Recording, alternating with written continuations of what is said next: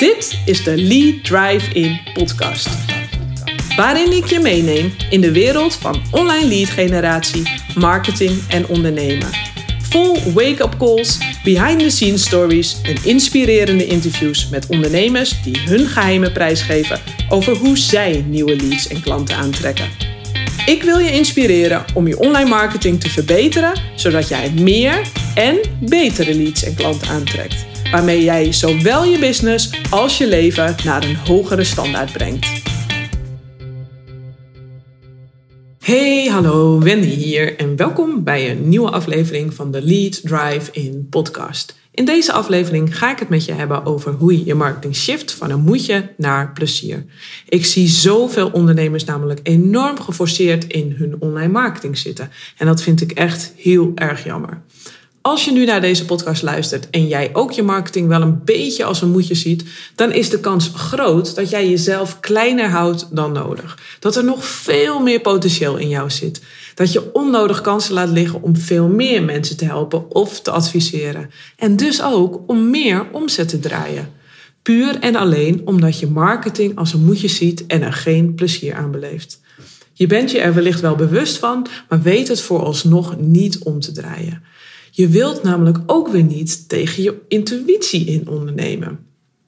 Maar besef wel dat dat gevoel van moeten, die geforceerdheid, dat die er nu voor zorgt dat jij jezelf te weinig laat zien online en jouw ideale klant daardoor nog steeds niet weet dat je bestaat en niet met jou kan verbinden. Laat staan dat hij of zij zijn geld aan jou kan uitgeven. Ik geloof erin dat online marketing niet geforceerd hoeft en vanuit een ijzeren discipline, maar dat je het vanuit ontspanning en met plezier kunt doen. En dat je dan veel sneller en betere resultaten zult krijgen. En het allerbelangrijkste, dat je veel meer impact maakt. En waarom ik dit zo zie en hoe jij dit ook kunt realiseren, dat ga ik je uitleggen in deze nieuwe podcastaflevering. De afgelopen jaren heb ik echt heel veel ondernemers begeleid, gecoacht en getraind. En ik ben het gedrag gaan analyseren. Want wat onderscheidt nou degene die moeiteloos volle bak hun online marketing draaien, supergoed overal zichtbaar zijn en daardoor moeiteloos klanten naar zich toe trekken, versus de ondernemers die enorme moeite hebben met überhaupt iets online publiceren en die het verre van moeiteloos doen. Die het dus echt zien als een moedje. Het heeft allemaal met energie en met mindwork te maken. Ik ga je aan de hand van drie praktijkvoorbeelden meenemen in de shifts die jij kunt maken om van het gevoel van moeten naar een gevoel van plezier te gaan. Mocht je je erin herkennen, dan hoop ik echt dat het je wakker schudt om iets meer te ontspannen. Ondernemen en marketing mag gewoon leuk zijn, namelijk. Die toestemming mag je jezelf geven. Je bent niet voor niets ondernemer geworden, toch? Het eerste voorbeeld is van een lifestyle coach die ik onlangs sprak. Maar het maakt ook niet uit. Dit voorbeeld heb ik in, al in meerdere keren in verschillende variaties voorbij zien komen. En wat zij mij vroeg was: Wendy, wat moet ik nu in de hemelsnaam in mijn e-mails zetten? De e-mails die, die mensen ontvangen nadat ze een gratis download bij mij hebben ontvangen. Welke woorden moet ik daarin zetten? Wat moet ik in e-mail 1 zetten? En wat moet ik dan in e-mail 2 zetten? En wat dan in e-mail 3? Kun je mij dat vertellen? Wat werkt? En wat moet ik dan in mijn e-mailhandtekening zetten? Nou, ze vroeg nog net niet of ik haar e-mails even kon schrijven. Maar wat ik zie is dat deze coach mega gefocust is op het presteren in plaats van het creëren. Deze e-mails moeten succesvol zijn. Het moet perfect zijn. En deze coach legt onbewust een enorme druk op zichzelf om te presteren. Nou, ik kan je vertellen, dat gaat hoe dan ook niet werken. Naast dat je zelf daarin blokkeert, voelt een ontvanger de energie van een geforceerde e-mail ook. Dat gaat gewoon niet werken. Ik ben er ook echt een enorme voorstander van dat je je e-mails zelf schrijft. En ja, je kunt hem natuurlijk uiteraard daarna nog even laten redigeren. Maar het moet jouw taal zijn, jouw geluid. Dat is echt super belangrijk. En wanneer ben jij op je best? Als je enthousiast bent. En waar kun jij nou enthousiast uren over kletsen? Over je vak, over wat je meemaakt. Doe dat dan ook. Jij weet als geen ander wat je potentiële klanten nodig hebben. Leg je energie in die essentie. Je kunt namelijk je marketing niet goed of fout doen.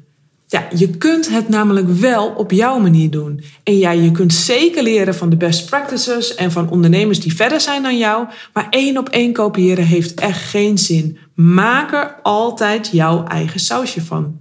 En ik heb al bij honderden ondernemers binnengekeken en ik kan je vertellen, er zijn duizend wegen naar Rome. Dus zet jezelf niet vast door te streven naar perfecte mails. Het nummer één succesingrediënt is dat jij je eigen stijl en taal gebruikt en dat je überhaupt komt opdagen. En hoe vind je nou je eigen stijl en je eigen taal? Door het te doen, doen, doen. Des te meer je publiceert, des te beter je je eigen stem vindt.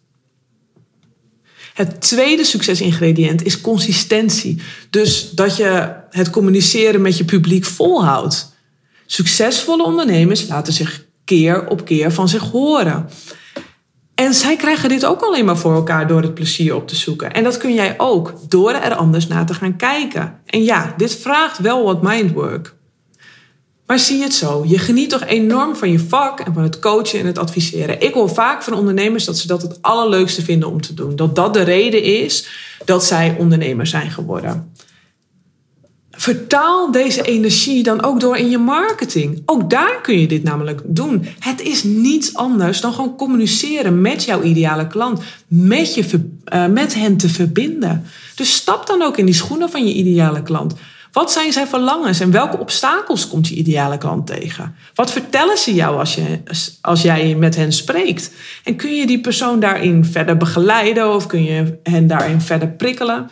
En schrijf daar je e-mails voor. En wees niet bang dat je te veel weggeeft. Want je kunt pas iemand echt helpen nadat je iemand hebt geholpen. Want zij moeten die overtuiging hebben. Dus geef gewoon. Deel wat je te delen hebt. Dus vertaal die energie die je ook in je coaching brengt, vertaal die door in je marketing. Nou, en dan zie ik als tweede voorbeeld ook nog dat er een grote groep ondernemers is, vooral de creatievelingen, die wel heel graag creëert en dat ook moeiteloos kan doen, maar die nooit publiceren. Dus prachtige artikelen of vlogs of podcasts, posts, e-books, ik heb zelfs boeken gezien die alleen nog geëdit moeten worden, echt complete boeken. Er ligt echt nog zoveel op de plank te liggen, omdat het nog niet goed genoeg zou zijn, omdat het beter moet. Vind jij? Maar onthoud, zelfs je allerbeste werk is nooit af. Dat geldt voor iedereen. Het kan namelijk altijd beter. Zelfs van de beste regisseurs of acteurs is het werk nooit af. Is dat dan de reden om maar niet te publiceren of om maar niet op te komen dagen? Dat zou wel zonde zijn, hè? Want hoeveel films, boeken of series zouden er dan niet zijn? Dat zou echt super zonde zijn. Het enige verschil is dat iemand het wel of dat iemand het niet doet. Wel of niet komt opdagen. Het is namelijk niet zo dat die ene die wel komt opdagen per se beter is dan de ander die dat niet doet. Ik geloof er zelfs in dat er veel betere regisseurs of coaches en adviseurs zijn op deze wereld dan degene die wij nu als succesvol bestempelen. Alleen, zij zitten nog verstopt. We zien ze niet. En als iemand je niet ziet, kunnen ze ook niet voor je kiezen. En wat ik zie is dat hieronder een diepe liggende angst zit. Een angst om veroordeeld te worden op dat wat je publiceert. Wat vindt mijn moeder hiervan? Wat zullen mijn vrienden wel niet denken? Nou, ik kan je vertellen, ze denken helemaal niks. Want de meeste mensen zijn veel te druk met hun eigen leven. Ze zijn echt niet de hele dag met jou bezig. En die gedachte, dat vind ik zelf echt een hele bevrijdende gedachte. En als ze er al wel wat van denken, dan is dat totaal niet relevant. Want mijn ervaring is dat ze dan hoogstens denken van die is lekker met uh, haar of zijn bedrijf bezig. Het is namelijk niet je ideale klant. Dus het is niet voor hen. En ja, je zwager of schoonzus ontvolg je misschien en dat krijg je ook te horen. Maar nou en? Who cares? Het is ook niet voor hen. Mijn zwager en al heel veel vriendinnen zijn mij ook ontvolgd. En ik snap het. Voor hen ben ik niet relevant. Zij hebben geen eigen business. En sommige anderen volgen mij nog wel. Als cheerleader. Of gewoon omdat ze het leuk vinden om te zien wat ik doe. Zodat ze er met mij over kunnen spreken. Maar beide groepen zijn privé gewoon nog in mijn leven. En het is natuurlijk maar welke waarde ik er zelf aan toeken, of ze mij wel of nog niet volgen. Het boeit mij niet. En jij kunt mensen supergoed adviseren, coachen of begeleiden. En er zijn mensen die het alleen van jou kunnen horen, omdat ze met jou die klik voelen. Dan is het toch egoïstisch om niet te publiceren. Jij bent op zoveel mensen al zoveel stappen verder met al die ervaring en kennis die je hebt. En iedere persoon die jij met jouw publicatie weer verder kunt helpen, dat is er weer eentje. Dus als je er moeite mee hebt om je werk te publiceren, realiseer je dan. Zelfs het allerbeste werk is nooit af. En druk gewoon op die publiceerknop. Breng het gewoon online en je zult merken dat het echt heel erg mee gaat vallen. Het is super zonde als jij niet aan jouw ideale klant de gelegenheid geeft om met jou in contact te komen en om met jou te verbinden. Nou, het derde voorbeeld dat ik je wil geven van geforceerde marketing is dat te veel ondernemers het wiel zelf volledig willen uitvinden op alle onderdelen van het ondernemen. Ook de onderdelen die buiten je vakgebied liggen. Want ik krijg de vraag: oh, ik krijg vaak de vraag: ja, maar hoe moet ik dat dan doen? Hoe krijg ik het snelste nieuwe klanten? Hoe moet ik dan mijn website inrichten? Hoe verdubbel ik het snelste mijn mailinglijst? En ik heb dit ook de eerste paar jaar van mijn ondernemerschap gedaan. Maar het zet je enorm vast. Het vertraagt enorm. Omdat je vaak op die hoe-vraag zelf niet direct een antwoord hebt, omdat daar nog werk voor aan de winkel is. Maar na mastermind met een Amerikaanse marketinggoeroe veranderde er iets bij mij essentieels op dit gebied. Telkens als ik me afvroeg hoe kan ik dit doen, vroeg ik mijzelf af wie kan mij hierbij helpen. Als je iets lastig vindt of stom, vraag er dan hulp bij. Stap in een coachingstraject of in een adviestraject of laat het iemand voor je doen. Net wat het beste bij je past en wat voor dat onderdeel waar je mee stoeit relevant is. Zo had ik onlangs weer de vraag van hoe ga ik mijn website weer zo snel mogelijk goed online krijgen. Ik heb er hulp bij gevraagd. Ik kan het technisch zelf. Ik kan een hele website online uh, zetten, maar het kost me veel te veel tijd. En er was ook een rebranding nodig. En ik heb daar hulp bij gevraagd. Want als ik dat allemaal zelf moest gaan uitvinden, stond er nu namelijk nog niets online. En nu had ik het binnen acht weken allemaal online staan, inclusief rebranding. Ik ken mezelf inmiddels wel een beetje. En misschien denk je wel, ja, maar hier heb ik toch helemaal geen geld voor om het maar allemaal uit te besteden. Dan is de vraag: is dit echt waar? Wat kun jij met die tijd doen die je dan vrij hebt? En wat gaat er gebeuren als dat wat je wilt wel goed staat en snel? Je bent meer ontspannen en je hebt meer tijd om uh, nieuwe klanten aan te trekken, om daaraan te gaan werken.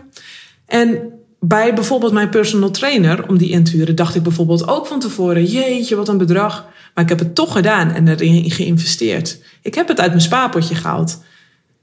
Maar wat is het gevolg? Ik heb nu weer een sterk lichaam, ben mentaal vele malen sterker geworden dankzij het sporten.